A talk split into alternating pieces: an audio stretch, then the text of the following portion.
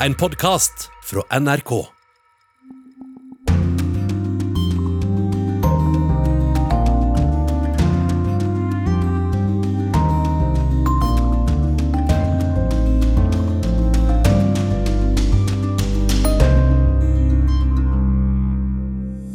I Storbritannia er nasjonalretten truet av krigen i Ukraina. Når fisken og gjødselen til potetene kommer fra Russland, og frityroljen og melet fisken stekes i kommer fra Ukraina, skyter prisene i været som aldri før mens krigen raser. Det er valg i Australia i dag, men ingen av hovedmotstanderne snakker om det folk er mest opptatt av. Hvorfor tør de ikke det, spør vi i Urix på lørdag. Midtøsten er den regionen i verden hvor pressefriheten har dårligst kår. Prinsesse Rym av Jordan, som har journalistbakgrunn, mener journalister må lære seg å manøvrere mellom sensuren. You have to play again in that space. You have to play in that uh, uh, playing field and uh, do the best you can with what you have, right? I Tyrkia er kvinnen som bidro til president Erdogans hittil største politiske nederlag, nederlag tapet av borgermesterstillingen i Istanbul, utestengt fra politikk i all framtid pga. ti år gamle twittermeldinger. Og denne uka så fortalte en 17 år gammel engelsk fotballspiller at han er homofil. Sist gang en fotballspiller sto fram, var for 32 år siden, og det endte ikke bra. Vi skal også til Frankrike, hvor en matskandale nå rulles opp. Velkommen til Urix på lørdag. Jeg heter Anja Strøen. Vi skal straks til krigen i Ukraina, men først så skal du få være med til Australia. For der er det valg på ny nasjonalforsamling i dag. Vel 17 millioner australiere har anledning til å stemme, og landet er en viktig vestlig aktør i Asia og Stillehavsregionen, og et land som lever tett på mange av de store og globale samfunnsspørsmålene, både når det gjelder miljø og sikkerhetspolitikk. Og Philip Lote, Asia-korrespondent, nå på plass i Bangkok, men rapporterer om valget i Australia. Utfordrer Arbeiderpartileder Anthony Albanese har ledet lenge, men det er ikke sikkert at han vinner, er det ikke så? Ja, Det er jevnt Hant ganske klart, men meningsmålinger, to-tre stykker av dem gjort de to siste dagene, viser at ledelsen til 6% og Da Scott Morrison ble statsminister, så var det etter, eh, som en slags kompromisskandidat etter en uh, maktkamp i det konservative partiet. og Da han vant valget i 2019, så var det også imot hva meningsmålingene viste. Uh, så til tross for at han har gjort en dårlig figur når det gjelder håndtering av skogbranner og, og, tørke, og at levekostnadene har gått ganske kraftig opp, så har han levert en ganske sterk økonomi. og det er veldig få av australierne som tør å konkludere eh, i det de omtaler som en feiring av sitt eget demokrati. De tror det kan bli mer spennende enn de først antok.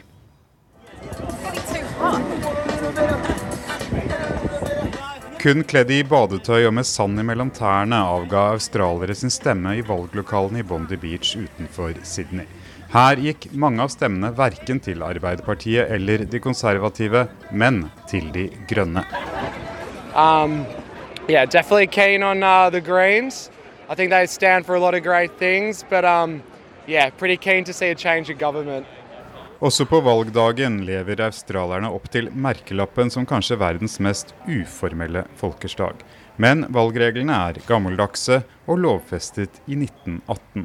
Stemmene telles for hånd, og stemme er obligatorisk, og du blir bøtelagt hvis du lar være.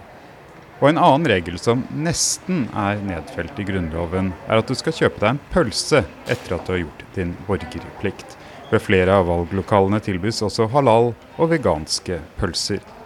En som kanskje tar en kjøttpølse, er sittende statsminister Scott Morrison fra de konservative. Han advarer mot gjelden Arbeiderpartiets løfter om endring vil påføre Australia. Yeah, And what Australia needs is someone who knows how to manage money, knows how to deal with our national security interests, knows how to be able to move forward and secure that strong economy. The alternative is, as Labor themselves has confirmed, higher debt that only puts up upward pressure on interest rates and on inflation. But we've had the opportunity for many press conferences over the course of this election, and right now I'm going to go home and spend some time with my family. Thanks very much, everyone. Mannen som leder på målingene, Anthony Albanese, mener Australia er mer splittet enn før, og advarer mot tre år med mer av det samme. My message is I want to represent all Australians. I want to unite the country. There's been a lot of division in recent times. It's one of my criticisms of the current government is that Scott Morrison looks for division and difference rather than unity and common purpose. Ja, da, det sa en av partene her, og Australia har opplevd mye ekstremvær, tørke og flom, og velgerne sier faktisk i undersøkelser at klimaendring det er den viktigste saken. Men likevel så snakker ikke disse hovedmotstanderne om eh, klima. Hvorfor gjør de ikke det, Philip Lote? Ja, Det kan hende at de rett og slett ikke tror på dem. At eh, de tenker at å omstille til en grønn økonomi eh, radikalt og litt brutalt ville skape økt arbeidsledighet, vil være smertefullt. Eh, og så har Australia en ganske sterk og tung eh, kullindustri, som også driver eh, energi, eh, energisektoren og en gruveindustri. Eh, så når det kommer til stykket, så tror kanskje både Arbeiderpartiet med fokus på velferd og de konservative med fokus på en sterk økonomi og handelsoverskudd eh, på at lommeboken er eh, viktigst. Men det som kan ha vippet dette litt, er at en god del kvinner, og også da kvinner som normalt ville stemt konservativt, har sagt at de nå kommer til å la klima være avgjørende for hvem de stemmer på. og Det har gjort at De Grønne får noen flere stemmer, men også en god del uavhengige kandidater kan komme på vippen. og Derfor så har da Labour eller Arbeiderpartiet begynt å snakke om klima ganske intenst de siste dagene. for de skjønner at her er det stemmer å kapre. Du, til slutt her, Philip Lote. Hva med naboene i regionen og sikkerhetspolitikken i Asia og Stillehavsregionen? Er det noe som er en del av valgkampen nå? Ja, de konservative har forsøkt å gjøre Kina til et hovedspørsmål og sier at hvis Beijing får velge hvem de skal ha som eh, statsminister, så vil de velge Albanese fra Arbeiderpartiet. Eh, men Albanese har da kontret og sagt at eh, under Scott Morrison så inngikk Salomonøyene en sikkerhetsavtale og samarbeidsavtale med Kina. Det er en øy, liten øygruppe nordøst for eh, Australia med enorme havområder som egentlig ikke økonomisk er så viktig, men hvis Kina i fremtiden får lov å bygge baser på noen av øyene, disse øyene, så vil de få en fremskutt posisjon i Stillehavet. Og det skremmer både Australia og eh, USA. Eh, så selv om de ikke er så uenige om hva som bør være Australias posisjon, så er de jo uenige om hvem som vil håndtere dette best. Og bare helt til slutt, eh, De første stemmelokalene er stengt, de neste stemming, stenger om en times tid, og opptellingen har allerede begynt øst i Australia. Takk skal du ha, Philip Lote, med oss fra Bangkok om valget i Australia.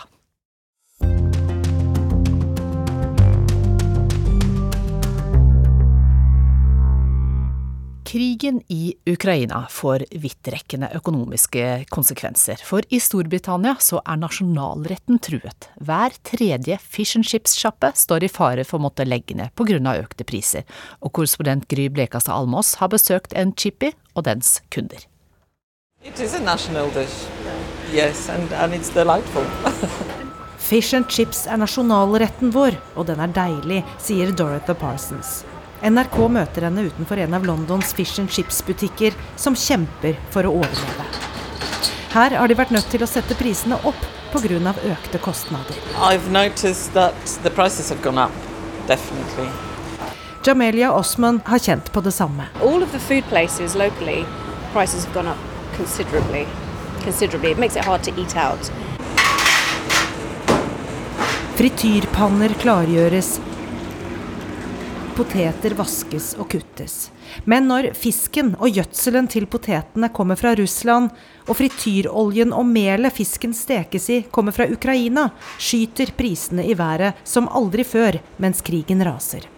Nå står flere tusen fish and chips-butikker i fare for å måtte legge ned. Det er trolig den verste krisen vi noen gang har sett, sier Andrew Crook. Han er president i bransjeforeningen og representerer de over 10 000 fish and chips-sjappene i Storbritannia. Nå frykter han at en tredel av dem må legge ned. Yeah,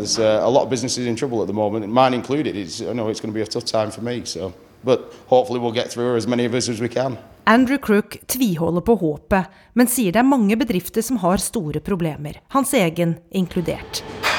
Det samme gjelder den fish and chips-butikken vi treffer ham i, der Bally Singh er innehaver. Hi, my name is Bally Singh. Uh, I own Hook Fish and Chips. Uh, we're based in West London, West Drayton. Da han nylig gjenåpnet butikken etter en brann, ble han sjokkert over hvor dyre alle ingrediensene hadde blitt. Um, it's been tough, very tough, because I didn't think about how much the price, cost of price would, uh, of the shift, uh, fish would be, and coming back and asking, "Oh, what's the price of the fish?" I was gobsmacked. Then I found out the price of oil. I was even more gobsmacked, and just finding out that everything had gone up extensively. It was, it, it was, it wasn't easy to get back. Nå har han selv satt prisene opp, men må passe på at retten ikke blir for dyr for folk.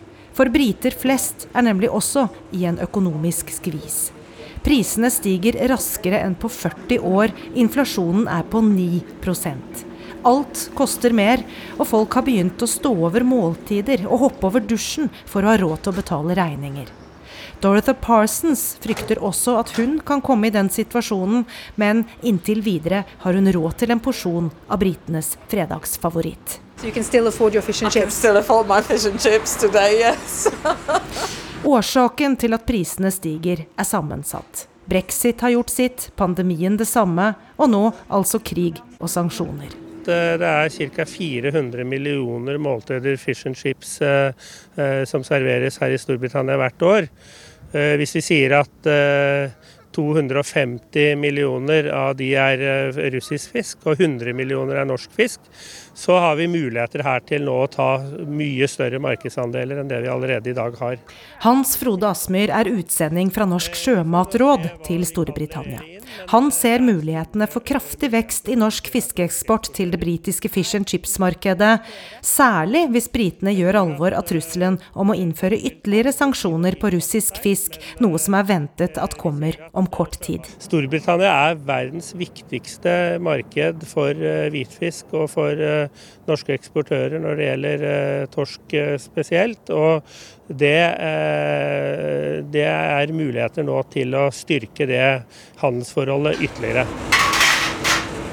Imens selger Bally Singh mer pølser enn noen gang i fish and chips-sjappa si. I tillegg satser han på veganske retter. Så hva tror han egentlig om framtida for den tradisjonsrike retten? So you will be a fish and chip shop without fish in the future. Hopefully not. Hopefully not. We'll, we'll, we'll get through it. We've got to keep it smiling. Um, but at the background, you're just thinking, what's it going to be like tomorrow? I hope I don't wake up tomorrow and say, oh, we're going to stop selling fish. Because fish is, a, is an art of itself. And I love doing it and love selling it. Det var Bally Singh som elsker å selge fisk og håper å kunne fortsette med det. De økonomiske konsekvensene av krigen merkes i enda større grad i Ukraina, naturligvis. Og reporter Charlotte Bergløft, du er på plass i Lviv vest i Ukraina. Hva forteller folk deg der om den økonomiske situasjonen? Det er det veldig mange snakker om her nå, at det er tøffe tider allerede å leve i en krig, men nå bygger det seg opp til en økonomisk storm.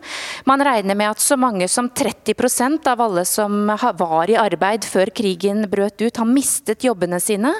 I går møtte jeg en av dem, en kvinne med en toåring nede i et av bomberommene her. Hun var fra Odessa, hvor hun drev et reisebyrå. Nå er selvfølgelig ikke reisebyrået i drift. Lokalet er sagt opp, og de har reist hit til Lviv, hvor mannen hennes jobber. Og han før nå hele familien, kone, barn, besteforeldre og andre i slekta, og risikerer jo selv å bli sendt til fronten. Så hvis han da ikke lenger er her og i arbeid og er ved fronten, så har de ingen inntekt. Så det er dramatisk det som skjer for dem som lever i denne krigen nå, om å opprette en slags ny normal mens arbeidsplassene forsvinner. Og hvordan mener Ukrainas president at dette skal løses? Krigen koster enormt i seg selv, og vi står jo også overfor en stor oppbyggingsinnsats her. Og det er minerydding, det er mange utfordringer. Han snakker da ofte med Verdensbanken og IMF, som vi har sett, og sier at man kan trenge flere titalls milliarder i måneden for å klare å møte det behovet som er her nå, og slik at ikke landet får desto større problemer pga. den økonomiske krisen som nå rammer dem. Takk skal du ha, Charlotte Bergløf, med fra Lviv vest i Ukraina. Og kollega Morten Jentoft, i går så hørte vi at de siste ukrainske soldatene i Mariupol nå har overgitt seg. De har holdt stand i nesten tre måneder mot russisk bombardement. Vil det si at russerne nå har full kontroll i Mariupol? Ja, det må vi jo eh, kunne si, selv om man fra, russi, fra ukrainsk side unnskyld, er veldig opptatt av å si det at selv om eh, eh store områder nå er formelt under russisk kontroll, så er det geriljaaktivitet, bl.a. rundt byen eh, Melitopol, som ligger eh, litt vest for eh, Mariupol. Og mange tror jo at den geriljavirksomheten, den kommer til å øke. det blir helt umulig for de russiske styrkene å ha full kontroll over så store områder. Så vi får jo se hvordan, hvordan, hvordan dette kommer til å utvikle seg. Eh, dette er jo deler av eh, Ukraina som eh, tradisjonelt er russiskspråklig, der mange også har hatt sympati for Russland. Men det har nok endret seg pga. den brutale russiske krigføringen. Så selv om Russland formelt nå har kontroll over Mariupol og hele kysten langs Avsovhavet, så er det ikke ikke sikkert at eh, man klarer å holde på den kontrollen eh, fullt og helt eh, framover. Men selve kampen om Mariupol, kampen om stålverket, den er jo nå over. Det har snart gått tre måneder siden krigsstart.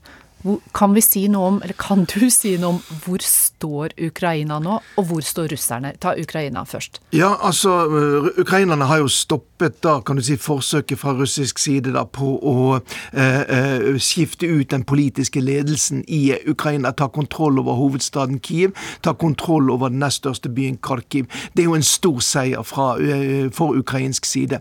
Samtidig så er det klart at militært sett, eh, Mariupol er et nederlag dag, øh, selv om man fra ukrainsk side kan si at det var viktig å opprettholde kampen der, binde opp russiske styrker, så er det et militært nederlag. Og Jeg har også studert øh, øh, det som skjer langs fronten i Donbass nå. Det er ingen tvil om at ukrainerne nå er presset. Russerne har hatt en viss framgang, bl.a. sør for byen Severodonetsk, rundt byen Popasna, som russerne nå har tatt kontroll over.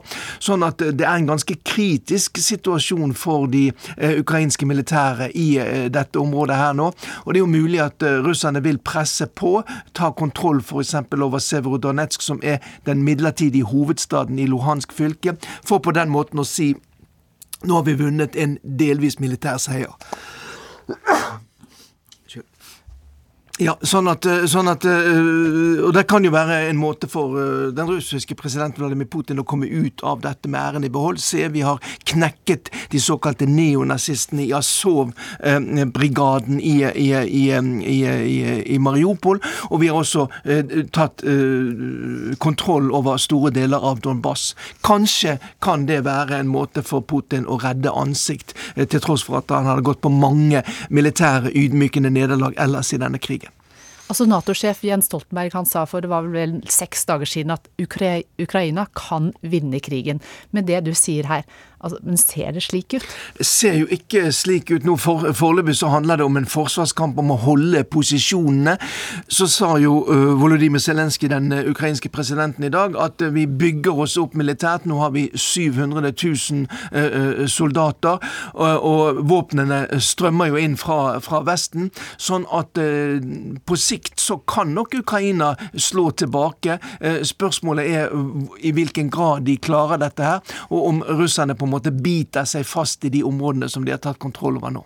Helt kort til slutt her, Morten Jemtaf. Du følger jo krigen eh, tett, og så var på plass i de ukrainske skyttergravene fra opptakten til krigen. Hva tenker du nå, når du ser det som det som skjer? Ja, Det er jo imponerende, selvfølgelig, det som ukrainerne har, uh, har klart. Eh, det er ingen tvil om det. Og uh, russerne undervurderte jo totalt uh, motstandsviljen i Ukraina. Det som jeg og veldig mange er redd for, det er at den brutaliteten som vi ser i krigen, som vi også så uh, bl.a. gjennom angrepet på et kulturhus i Kharkov-regionen i går, den kommer bare til å øke inntil partene kanskje har fått nok å sette seg ned ved forhandlingsbordet. Takk skal du ha, Morten Jentoft.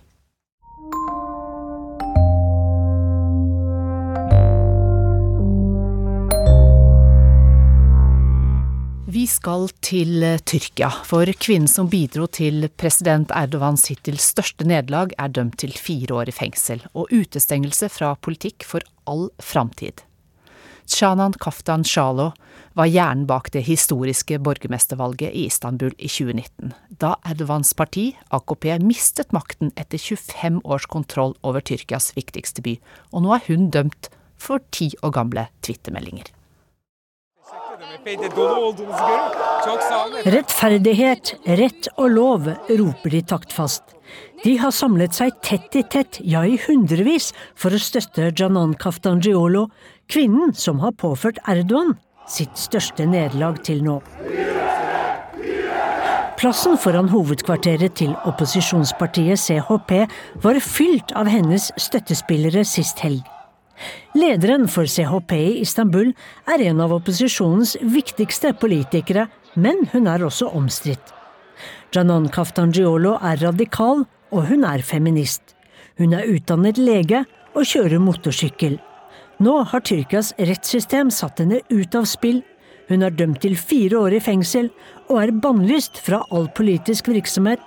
Det er straffen for ti år gamle meldinger på Twitter. Ne söylemek istersiniz? Adalet istiyoruz bu ülkede. Vi vil ha rettferdighet og demokrati i landet, sier en kvinne reporteren fra Halk TV snakker med på demonstrasjonen. På scenen står Kaftan Giolo i sin knallrøde genser og grå jakke.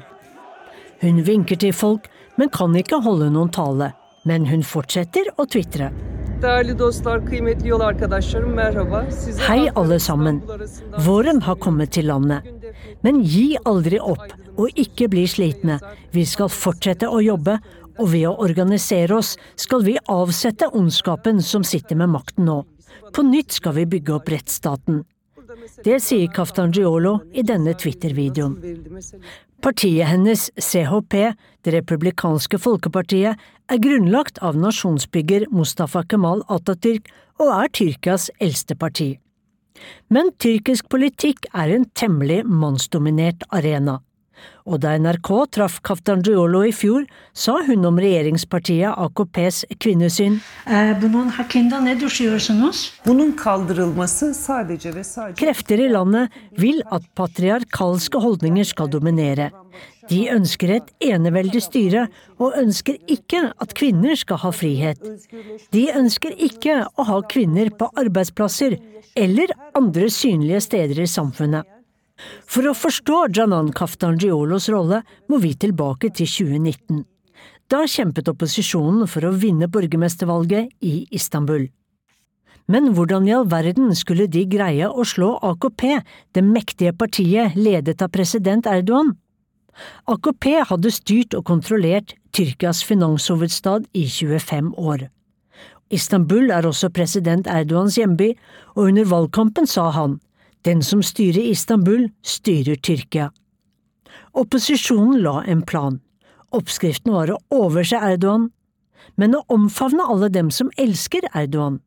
Strategien var boken om radikal kjærlighet, altså nestekjærlighet og respekt for den andre, en liten revolusjon i det sterkt splittede Tyrkia. Det ble en vinneroppskrift og Kaftangiolo ses på som hjernen bak. Really Hun hadde en nøkkelrolle, sier kommentator Bulen Mumay på Skype fra Istanbul. Nederlaget kom som et sjokk for Erdogan, og det preger ham og partiet fremdeles. She and her team in CHP Istanbul, they managed to reach the traditional people too. So that was her success, touching the Kurds and touching the poor uh, Islamist people too. Kaftangiolo nådde frem til kurdere og fattige og konservative folk som aldri hadde stemt på det sekulære CHP før. Det er tre grunner til at retten stenger henne ute fra politikken nå, sier Momay. By giving a very unfair penalty to her, they are trying to intimidate, they are trying to scare the, the opposition. Først er det å spre frykt blant opposisjonspolitikerne ett år før neste presidentvalg. Og de har alltid ønsket å ta hevn for opposisjonens seier i Istanbul. The third reason is to, to create a chaos in the opposition itself. Like Den tredje grunnen er å skape kaos i opposisjonen før valget i 2023, og sørge for at den ikke greier å samle seg og bli slagkraftig slik som i 2019, mener Momai. Men han tror ikke Janan Kaftangiolo blir satt i fengsel, eller at hun vil forsvinne helt fra politikken. Men hva tvitret hun egentlig om for ti år siden? At det armenske folkemordet var et folkemord, og at hun mente at Erdogan er en tyv. Dessuten hadde hun delt en tweet med et bilde av at ektefellen hennes spiser svin til middag. Og slikt gjør hun ikke ustraffet i Erdogans Tyrkia. Det fortalte Sissel Wold. Og vi skal holde oss i Midtøsten, for i dag er det den regionen i verden hvor pressefriheten har dårligst kår. Sist uke så ble Al-Jazeera-journalist Shirin Abu Akel skutt i hodet og drept mens hun dekket et israelsk reid mot en palestinsk flyktningleir i Jenin på Vestbredden. Det viser hvor farlig jobben kan være. Men det er også vanskelig å få seg en god journalistisk utdanning og lære seg å manøvrere rundt sensuren som de ulike landene har. Og det ønsket prinsesse Rima Jordan å gjøre noe med, og før hun giftet seg inn i kongefamilien, så jobbet hun i mange år som journalist både for BBC og CNN.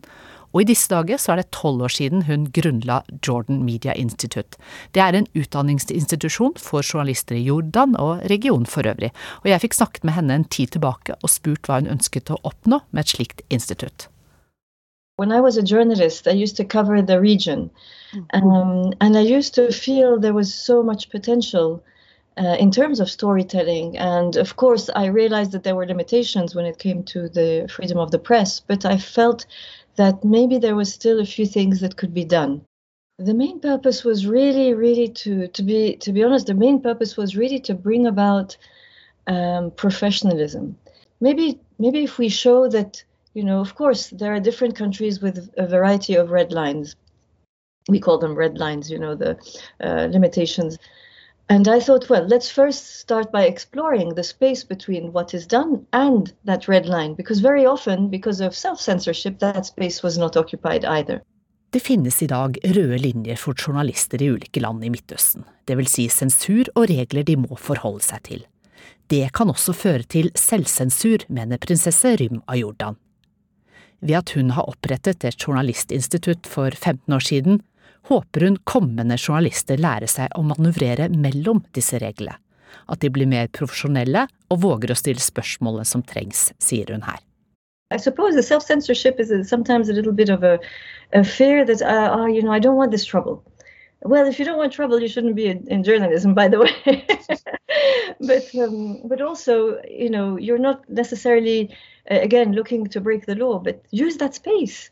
You know, there is a somebody said the Syrian plane came and crashed into Jordan. You're not uh, uh, insulting anybody or breaking any rule by going on the spot, asking questions, and finding out.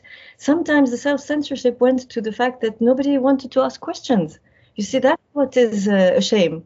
And that's where, you know, ask questions all the way until you can't ask questions anymore. But at least ask all those questions. But I do think that I'm in a privileged position to, to help. And I think I would like to use this position to to to again bring this conversation to the forefront as much as possible, um, respecting the rules and the laws of the country in which I am, because nobody is above the law as well, uh, and I can't be above the law because I'm from the royal family either.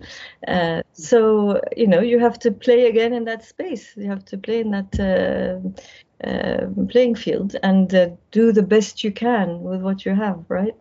So I wanted to really give an opportunity to have really proper standards and really have people who love uh, the media, who love storytelling, who have this passion for the truth, and who understand why it's important in society to have this information. Um, so that was really the starting point. Of course, you know things have evolved in very different uh, directions in different countries. There are limitations, as you say, in uh, um, I mean it, it is in some some some countries I know are really very challenging.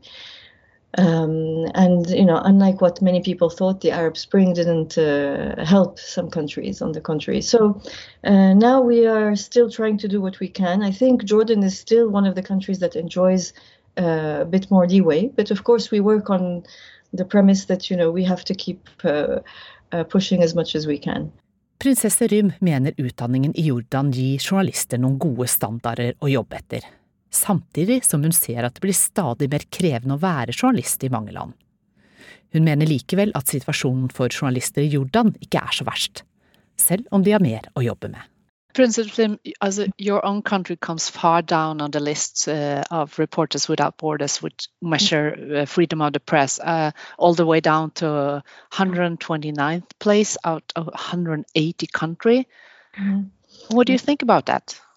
Well, I think it's I think it's not great. It's come down, um, and I think that you know, but I do think you know it's something that from the beginning I was always told you know you're going to do a media institute and there are all these limitations on freedom of the press and. My response to that is that we have to keep trying. And I think as long as we keep producing good journalists, and some journalists, by the way, have done amazing things uh, in my country and in the region. You've seen, you know, their, their contribution in some of the international investigations, like the Pegasus papers. Look, I mean, I'm not the government. We are an educational institution. I don't have the power or the role of uh, of changing the laws in that respect. Uh, I have the power to say I have produced or have contributed to producing the best journalists possible in the country and hopefully in the region. And I know that they will respect ethics and that they understand that they have as many uh, duties and responsibilities, that they have freedom. Ja, journalister har like mange oppgaver og ansvar som de har frihet, sa prinsesse Rym av Jordan her. Hun er altså tidligere journalist, inngift i kongefamilien i Jordan, og har grunnlagt Jordan Media Institute som utdanner journalister. Og vi skal holde oss til den krevende situasjonen for journalistikken i Midtøsten. Velkommen, Frode Rekve. Tusen takk. Du, du jobber ved Institutt for journalistikk, og så holder du også kurs i Midtøsten om journalistikk og ytringsfrihet, støttet av norsk UD, og dere samarbeider bl.a. med prinsessen og hennes institutt.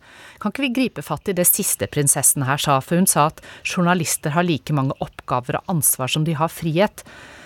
Hvordan står det til med pressefriheten egentlig i Jordan? Du kan kanskje snakke litt mer åpent enn det prinsessen faktisk kan? Ja da, og du sa det jo selv at uh, det står veldig dårlig til. Altså uh, i den aller ferskeste indeksen over ytringsfrihet så ser vi jo at landene i Midtøsten samtlige ligger veldig, veldig langt nede. Jordan på 129. plass, som du sa. Og uh, til sammenligning da det er jo voldsomt, så ligger altså Norge på førsteplass. Så det, vi har litt å gjøre. Men det modige prinsesse Rym også sa i det intervjuet med deg, det er at eh, hun, hun vil at journalister i Jordan og over hele eh, Midtøsten skal bruke sine muligheter. Mm. Og det har denne prinsessen Hun er altså fra en kongelig familie i et ganske strengt land. Satt i sving et presseinstitutt. Det er ikke annet enn imponerende. Men hva har hun da oppnådd i disse 15 årene? Eh, journalistikken eh, rundt omkring i Midtøsten er selvfølgelig forskjellig. Det er et svært område, det er mange land. Men eh, for å ta Jordan, hvor hennes institutt ligger, så vil jeg si at journalistikken har blitt mer profesjonell. Om den ikke akkurat er så avslørende og hardtslående, så er den profesjonell i den forst Og der tror jeg prinsesse Rym har, har hjulpet mye til. Og bevisstheten om journalistenes rolle i samfunnet har blitt reist på en helt annen måte. Dessuten så er det slik at folk i Midtøsten kan jo også ta inn BBC, eh, Al Jazeera, internasjonale radio- og TV-kanaler fra hele verden. Så de jo, bor jo ikke i en lukket atmosfære. Og folk som er oppegående, stiller også krav til mediene. Og jeg vil si de har blitt bedre. Mm. Altså, Du møter jo journalister da, fra hele Midtøsten når, når du drar ned og holder kurs. Hva er det de forteller deg om situasjonen, hva som er mest krevende? Nei, Det alle er inne på, og som vi snakker mye om, det er det prinsesse Rym var inne på, nemlig selvsensur. Eh, journalistene i, i, i Skandinavia, da, for å ta forskjellen, er at der har de lyst til å både eh, avsløre ting, utfordre myndighetene. Det beste er når man kan få kastet en regjering eller en statsminister. Mens eh, journalistene i Midtøsten, mange av dem i hvert fall, er fryktelig engstelige for å provosere. Er redde for å miste jobbene sine, redde for å gjøre noe galt. Og det får det ikke bare fra redaktørene, for redaktørene er også noen reddeharer. Mm. Slik at det er et, et litt sånn fryktstemning i, eh, i, i, redaksjonene. Og hvis det nærmer seg at de vet at en eller annen minister eller en myndighetsperson har gjort noe galt, så stiger jo jubelen i en norsk nyhetsredaksjon. Mens i Midtøsten så senker frykten seg. Mm, mm. Ja, for prinsesse Rym snakket om å lære journalisten å jobbe liksom nesten mellom de røde linjene, altså mellom reglene. Uh, ja, hun, hun, er veldig smidig. Og det er klart det at hun er prinsesse, prinsesse det gir henne en enorm uh, styrke. Folk ser opp til henne, de elsker henne, og samtidig så er hun det du og jeg vil si ganske gæren til å være prinsesse. Og uh, hun opp utfordrer og oppfordrer journalistene, i hvert fall i Jordan, Palestina og Libanon, som er de, de flest av på instituttet hennes, til å utnytte de mulighetene som finnes. Mm. Eh, jeg kan ta et eksempel. Eh, da vi begynte i Midtøsten, særlig i Jordan, så var altså bare for å ta Pressefotografiene i avisene var dritkjedelige. Det var bare bilder av menn i grå dress med slips og skjegg. Mm. Det var hele Avisene var fulle av slike bilder. Vi så aldri kvinner. Vi så aldri dagliglivet. Vi satte i gang med proffe norske eh, eh, pressefotografer og holdt kurs der. Og plutselig så fikk du i hvert fall se at det bor kvinner i landet. Du fikk se bilder fra dagliglivet. Og kvaliteten på mediene ble bedre. Samme med radio. Vi sa dere kan ikke bare sitte og prate i, i studio. Dere må ut og lage reportasjer. Snakke med folk. Hvordan har de det? Det var også et, et stort framskritt i forhold til hvordan det var. Jeg har jo tro på journalistikken. Eh, selv midt oppi eh, vanskelige eh, vilkår for ytringsfriheten. Gjennom å drive god journalistikk så mener jeg og håper jeg at mediene kan bidra til å flytte grensene bitte lite grann. Og hvis eh, nyhetsredaksjonene tør å gjøre det, ja, så kommer resten av samfunnet etter. Takk skal du ha så mye, Frode Rekve ved Institutt for journalistikk.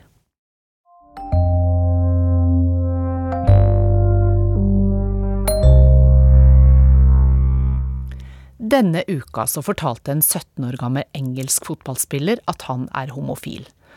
Ingen stor sak, tenker kanskje du, men slik er det dessverre ikke i engelsk fotball.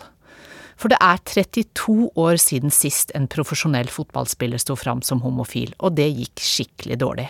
Og nå er spørsmålet hvor mye Storbritannia og fotballen har forandret seg siden den gangen.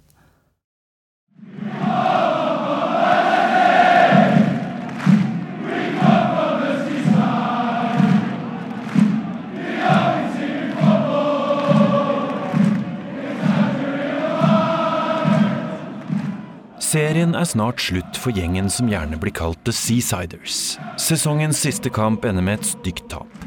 Og det har gått 70 år siden sist klubben vant noe av betydning. Men fansen synger likevel for laget sitt. Blackpool FC har trygg plass på nest øverste nivå i engelsk fotball, med en sjelden plass i sportsnyhetene.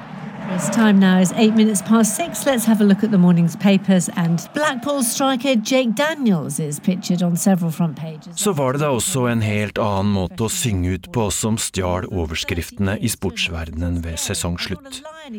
Blackpools lovende unge spiss Jake Daniels syntes det var på tide å fortelle medspillere, motspillere, trenere og ikke minst fotballfansen at han er homofil. It's been such a long time of lying and I think now is just the right time to do it. You know, I feel like I'm ready to tell people about my story. I want people to know the real me. Jeg har vært nødt til å skjule hvem jeg egentlig er. Jeg orker ikke løgnene lenger. Jeg orker ikke å føle at jeg må forandre meg for å passe inn, sier gutten som fortsatt bare er 17 år gammel. Lying all the time isn't what I've wanted to do, and it has been a struggle. But now I just do feel like I'm ready to be myself, be free, and just be confident with it all. En uttalelse på klubbens hjemmeside blir fulgt opp med et langt intervju med Sky Sports i garderoben, før støtteerklæringene begynner å strømme inn. Takk for ditt mot, sier statsminister Boris Johnson. Du sprenger grenser vi ikke vil ha i samfunnet, sier prins William. Og 20 Premier League-klubber konkurrerer om ikke å bli sist med å tvitre sin støtte til Jake. Så hva er da egentlig problemet? Problemet er bare at det ikke ser ut til å finnes andre homofile menn i engelsk fotball. Jake Daniels er den første og eneste som spiller i det profesjonelle ligasystemet. Så er det visstnok én som spiller i Australia, og noen få andre som venta med å stå fram til etter de hadde lagt opp. Problemet er også at England husker at de har opplevd noe som ligner en gang før. Ryan, Fashionou. Oh, oh, what a goal! Oh, that's a magnificent goal! Spissen Justin Fashionew var en sensasjon på banen tidlig på 1980-tallet. Som her, da han skåret årets mål mot selveste Liverpool. Han var den første svarte spilleren som ble solgt for en million pund. Og han var også, skulle det vise seg, homofil. Since then, he's been surrounded by controversy more often than he's been surrounded by defenders. Ladies and gentlemen, would you please welcome Justin Fashionew? Hundset av sin egen trener for legningen sin, jaget av sladderpressen som trua med å avsløre ham, valgte han sjøl å stå fram, først i The Sun og seinere hos BBC tidlig på 1990-tallet. There's been so many innuendos and rumors and this, that, and the other going on about my sexuality and about me over the years that I thought that the situation was, let's be honest, there's so much hypocrisy, there's so many people who are not what they say they are. Um, it's not a big deal in as much as people are either employ me for what I can do on the soccer field or not. You know, there's Livet ble ikke bedre av den grunn. Selv broren tok offentlig avstand fra ham, og Justin Fashionu endte med å ta sitt eget liv, bare 37 år gammel. Etter ham har ingen aktive fotballspillere turt å stå åpent fram som homofile før nå. You can't educate everybody, but I think the overwhelming majority of people will be more than accepting. Det går ikke an å lære opp alle, men jeg tror det store flertallet ikke vil ha noe problem med dette. I garderoben er det eneste som betyr noe om du spiller bra, sier den gamle målskårer Gary Lineker til BBC.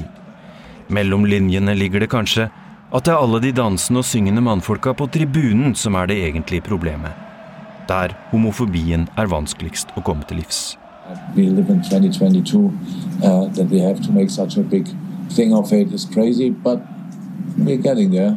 Vi lever i 2022, og at dette blir en så stor sak er galskap. Men vi er på rett vei. Dette er en god start, sier Liverpool-trener Jørgen Klopp med adresse til Jake Daniels.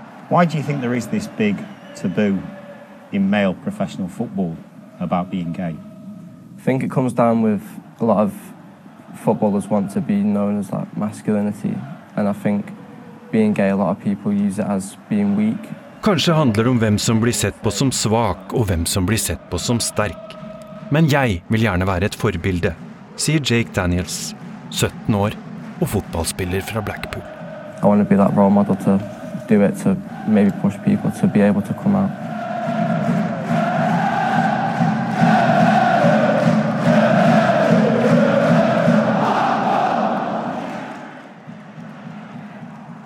Vi hørte Jake Daniels i et intervju med Sky Sports og de syngende supporterne til Blackpool FC. Reporter var Tore Moland. Fra Storbritannia skal vi til Frankrike, for der skrives det nå om den største matforgiftningsskandalen på 2000-tallet. To barn er døde, og over 50 er alvorlig syk etter å ha spist frossenpizza. Undersøkelser pågår for fullt for å finne ut hvordan E. coli-bakterien kan ha havnet i maten. Sykepleier Stephanie og mannen Fabienne Müller er foreldre til 11 år gamle Colin, som havnet på sykehus alvorlig syk etter å ha spist pizza. Oui, c'est vrai que dans, dans, notre malheur, en fait, à Colline, euh, on a de la chance. Euh. Vi har haft tur i oturen. Vår 11-åriga dotter Colin lever, säger pappa Fabien Müller. Ett av barnen som låg i rummen bredvid på sjukhuset dog efter att ha ätit pizza som smittats av E. coli-bakterien, säger mamma Stefanie Müller. Det hade kunnat vara vårt barn. Bah, le petit garçon, malheureusement, on a su par la suite qu'il avait eu beaucoup moins de chance qu'elle. Ça aurait pu être notre enfant. Efter tio dagar på sjukhus är dottern Colin nu hemma. Hon är dock fortfarande trött. Vi träffas på en lekplats utanför hemmet i Créteil, en förstad öster om Paris. Här är lugnt eftersom barnen är i skolan. Som varje fredagskväll köpte familjen djupfryst pizza på snabbköpet. Detta var i slutet av januari. Fem dagar senare fick Colin enorma magsmärtor och hon upptäckte blod i avföringen. Mamma, y a du sang euh, dans mes selles. Vår husläkare gav medicin, säger mamma Stefanie, men inget blev bättre. Rien qu'à la couleur de, des urines, couleur Coca-Cola. När urinprov gjorts var det Coca-Cola-färgat, berättar mamman. Ils ont tout de suite appelé une ambulance. Colin fick transporteras till ett specialsjukhus inne i Paris. Ambulansen körde mot hastighetsbegränsningarna och sirenerna var på. Bilar på motorvägen blev pressade ut på sidan. Sirène euh, hurlante, vraiment. Läkarna fann att det rörde sig om den farliga E. coli-bakterien. Oui, les médecins ont trouvé que c'était la bactérie euh, Escherichia coli. E. coli-bakterien kan hamna i livsmedel till följd av dålig hygien. Jag gick rakt på sak, berättar Stefanie, som frågade läkarna kommer min flicka att dö? Läget var mycket allvarligt. Pappa Fabian och mamma Stefanie vakade varje natt på sjukhuset. Det var fra seg av bekymring. On, est, on a dormi à l'hôpital, oui. Men Colin var stark og hun ble frisk, säger mamman og pappan og ler stort. Oui, oui, oui. C'est c'est une petite fille qui est très, très forte. Louis. Sedan början av året har hittills 53 personer smittats efter att ha ätit två olika pizzasorter av ett internationellt pizzamärke. Det säger en av försvarsadvokaterna, Richard Legrand. Alors, on a eu deux décès jusqu'à présent dans le cadre de cette affaire et une soixantaine de cas graves. Detta är den allvarligaste matskandalen på 20 år, säger Richard Legrand, som även är livsmedelsspecialist och undervisar på universitetet. Pizzorna har exporterats till 23 länder, men Norge finns inte med på listan enligt uppgifter i medierna. Franska hälsomyndigheten Santé Publique France bekräftar E. coli-bakterien i de berörda pizzasorterna. Några barn ligger i koma, andra får dialys och en har fått hjärtstillestånd, säger Richard Legrand med allvar i rösten. En fait, c'est des insuffisances rénales, généralement. Flera familjer har stämt pizzaproducenten för fara för vållande till annans död i henhold till den franska straffeloven. Straffet kan bli två års fängelse om någon pekas ut som ansvarig och flera hundratusen kronor i böter för företaget. Vi träffas på advokatens kontor på Avenue Champs-Élysées i Paris. Franska medier varnades redan förra sommaren om anställda på en produktionsplats i norra Frankrike som inte ska ha tvättat händerna efter toalettbesök.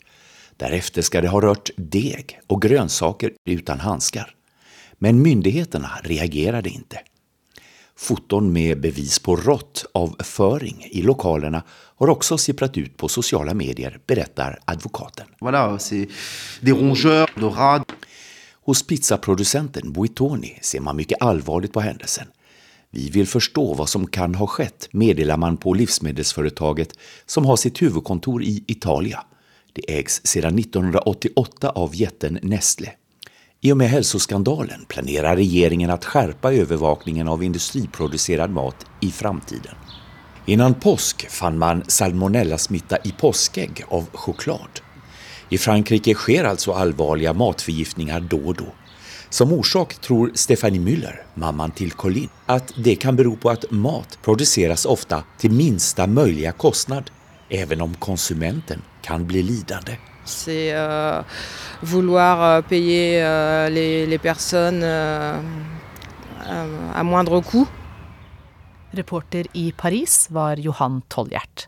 Og ukas korrespondentbrev er postlagt i USA av Lars Os. Blant ropa utenfor Høyesterett i Washington DC setter jeg meg ned ved sida av presten Tracy McAvoy. Hun ville oppleve den betente debatten om abort som ble brennaktuell den måneden her. Et lekka dokument fra Høyesterett bekrefter det mange har frykta, at abort på nytt kan bli ulovlig i deler av landet. På den ene sida hører vi aborttilhengerne. Dommers kamprop om kvinners rettigheter og friheter over dommers egne kropper. Mens motparten, med en overvekt av menn akkurat da, roper at livet starter ved unnfangelse. Abort er drap. Og abortspørsmålet har blitt veldig politisert. For i moderne tid har ikke de to partiene vært lenger ifra hverandre. Omtrent det eneste de er enige om i dag, er støtta til Ukraina. Og nå som abortspørsmålet på nytt er brennaktuelt, viser det ikke langt ifra hverandre amerikanerne står. Et av argumentene jeg hørte ofte, er at jenter og kvinner som tar abort, angrer i ettertid. En av dem var Mark Lee Dixon. Jeg fulgte Dixon i flere timer utenfor Høyesterett for å få en innsikt i noe jeg ikke har tenkt så mye på før. På et tidspunkt ble debatten på gata så sterkt at abortforkjemperne anklaga meg for å ta hans side og provosere fram en krangel.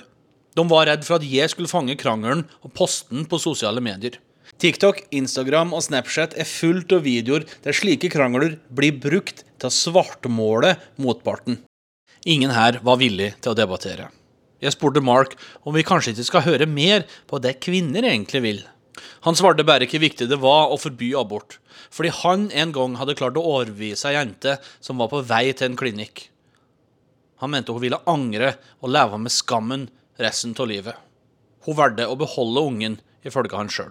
Da jeg spurte katolika Manuela Tironi og Kate Hoiting om det samme, så lo de bare. Organisasjonen deres, Catholics for Choice, jobber med å fremme kvinnehelse i hele landet. Hoiting viste til den såkalte Turnaway-studien, som gjennom fem år intervjua 1000 jenter og kvinner på 30 abortklinikker i hele landet. 95% av deltakerne fortalte at de var fornøyd med valget, basert på dommers daværende situasjon. Et annet argument Mark Dixon skrek til aborttegnerne, var at livet starter ved unnfangelse. Han sto på sitt om at vitenskapen var enig, når Kate Hoiting for så vidt ikke bortforklarte. Men hun spurte er et frø på størrelse med en ert virkelig et liv. Andre tilhengere fortalte meg at starten på et liv nødvendigvis ikke har et medisinsk eller religiøst svar, men heller et filosofisk et. Mens vi satt og hørte på krangelen, sa presten Tracy McAvoy til meg at hun så på starten av et liv når vi får en kjærlighet for noe. Men mødre som bærer et foster, skal òg ha en rett til å styre over sitt liv. Her jeg sitter på et hotell i Austin i Texas, bestemte delstatenes politikere allerede i fjor høst til å innføre en lov som gikk rundt Høyesterett. I stedet for å la myndighetene håndheve det strenge abortloven, er det opp til folket sjøl å sagsøke dem som legger til rette for abort. De kan få inntil 10 000 dollar i en slags premie hvis en rettssak dømmer noen. Guvernøren Greg Abbott har fått mye kritikk etter at han uttalte at vi skal fjerne voldtekt fra Texas på spørsmål om hva kvinner som blir gravid etter voldtekt, skal gjøre. For de nye og strenge Texas-lovene gjelder forbudet prinsipielt og for dom. Og I tillegg til å stramme inn abortreglene, så får myndighetene her òg kritikk for ikke å legge til rette for barnefamilier. I Houston koster det nemlig i gjennomsnitt over 1000 dollar i måneden for barnehageplass. Og nesten 20% av befolkninga i USAs fjerde største by ligger på, rundt eller under fattigdomsgrensa. 25 000 dollar er for en enslig regna av føderale myndigheter som fattigdom. Så ikke bare frates kvinner i Texas i praksis retten sjøl til å bestemme om de vil fullføre et svangerskap.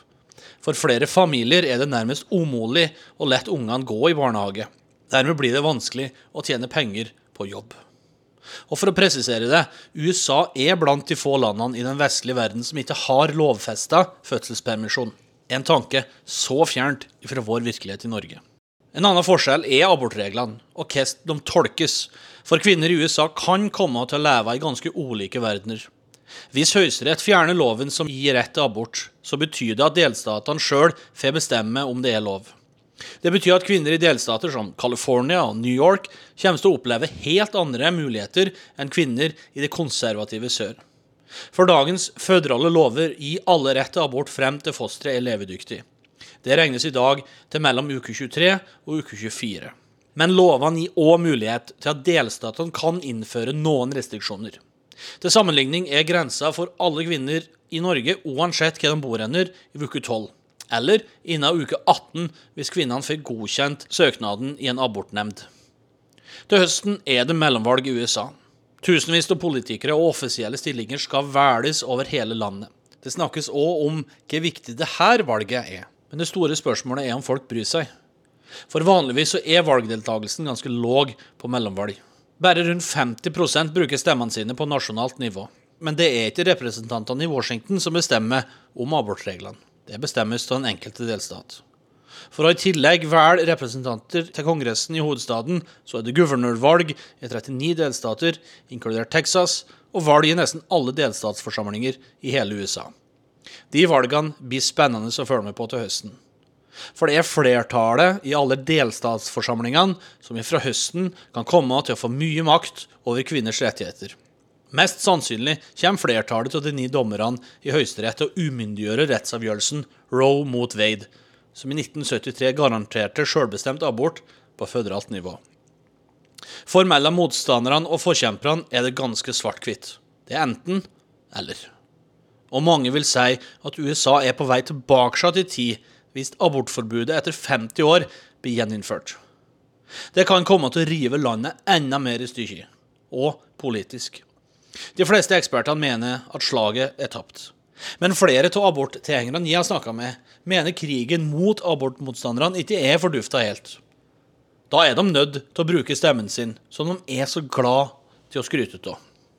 Og det har òg Tracy McAvoy, som sjøl tror på Gud og mener at alle liv er hellig, tenkt å gjøre. Fordi å verdsette de livene vi har, det er en kamp hun sier hun er villig til å kjempe for. Urix på lørdag takker for laget. Teknisk ansvarlig var Lisbeth Sellreite, produsent Kari Bekken Larsen, og her i studio Anja Strønen.